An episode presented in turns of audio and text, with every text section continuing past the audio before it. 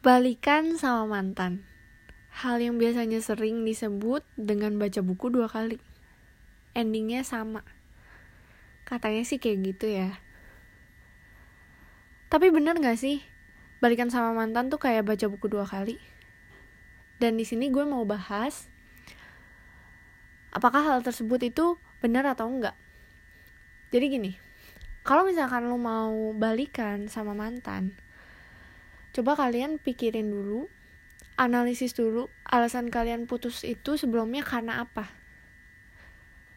Dan kalau misalkan mau balikan sama mantan first of all yang perlu kalian lakukan adalah duduk face to face harus ketemu dan bahas apa yang menjadi alasan putus kalian waktu hubungan sebelumnya dan apakah masih bisa diselesaikan atau enggak? Jangan tutup mata.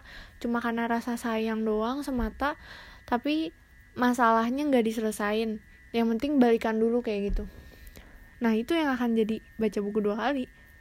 Lebih konyolnya lagi mungkin kalian akan putus dengan alasan yang sama seperti kalian putus waktu sebelumnya